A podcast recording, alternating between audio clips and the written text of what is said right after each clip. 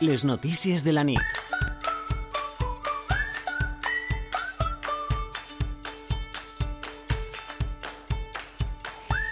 Vuit i 26 minuts, el 9 de juny tornem a tindre una cita amb les urnes per a elegir la composició del Parlament Europeu.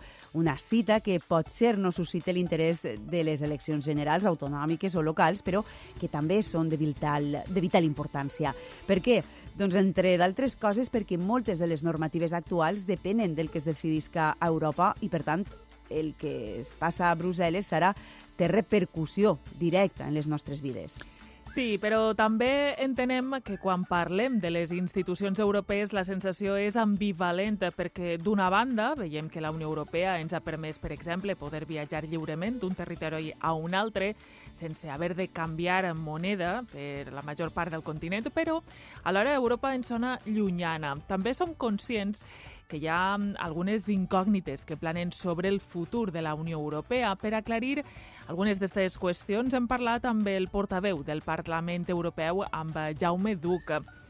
I és que en poc més de cinc mesos, al juny, després de cinc anys, es renovarà esta institució europea. Estan cridats a, unes, a les urnes 400 milions de ciutadans i ciutadanes dels 27 estats membres. Triarem 720 europeus, europarlamentaris i europarlamentàries, dels quals 61 eixiran de les urnes espanyoles. En aquesta elecció, la primera incògnita serà conèixer el nivell de desafecció. Veig més interès que fa cinc anys, perquè durant aquests cinc anys han passat moltes coses que li han donat a la Unió Europea una visibilitat també molt més gran. Com la Unió Europea va reaccionar al Brexit fa cinc anys, com va ajudar a la ciutadania i als governs a lluitar contra el Covid, per exemple, amb la campanya de vacunació. I després, per descomptat, el suport que tota la Unió Europea està donant a Ucraïna contra l'agressió russa. Aquests són temes que han creat més visibilitat, que han apropat la Unió Europea a la ciutadania. El percentatge de gent que està interessada en les properes eleccions europees i que ha entès la importància d'aquestes eleccions és més gran que en les passades. Aconseguir un lideratge fort i robust en l'espai mundial és un altre dels reptes que té per davant el Parlament Europeu o, en general, la Unió Europea.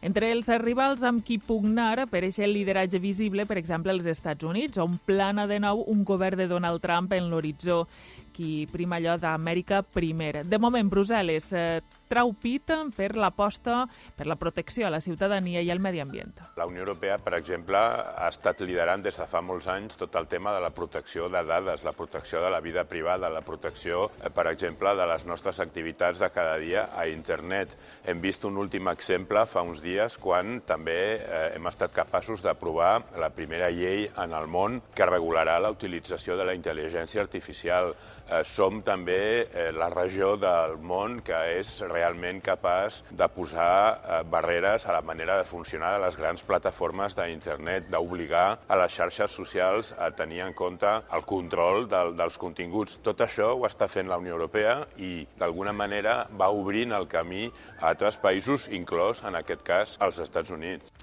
I què passa amb els sectors que estan descontents pels acords que es decideixen a l'Europarlament, com per exemple aquells que han de veure amb l'agricultura o amb la pesca? Això també passa a nivell nacional. Si no estem contents amb el que s'està fent, doncs potser estarem votant per un altre partit polític o estarem votant per una altra alternativa, per una altra proposta. A nivell europeu és el mateix, en funció de les majories que pugui haver en el Parlament Europeu, en funció de qui guanyi o qui perdi les eleccions europees, doncs algunes decisions es prendran d'una manera o es prendran d'una altra. Com es resolguen estes i altres demandes i inquietuds de la societat europea pot reconfigurar la presència de grups a l'hemicicle europeu i canviar la balança de forces actual. Si donem un cop d'ull a les enquestes, el que veiem és que els grups importants del Parlament Europeu, òbviament, ho continuaran sent. Estic parlant de populars, socialistes, liberals, verds, que són d'alguna manera els grups tradicionals o històrics de les grans famílies ideològiques de la construcció europea. Però, evidentment, això està en mans dels electors. Però no es pot obviar la tendència general d'ascens dels partits euroescèptics i d'extrema dreta en un important nombre de parlaments dels estats membres.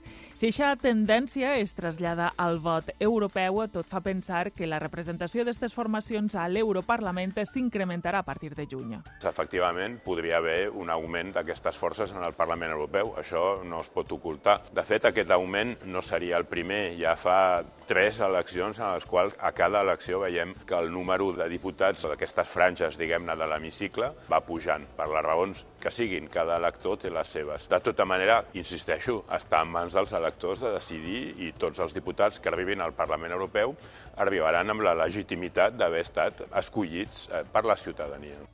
Diu el portaveu del Parlament Europeu, Jaume Duc, que està en mans dels electors i les electores qui compondrà esta institució. També ens recorda per què serà important dipositar el vot el 9 de juny.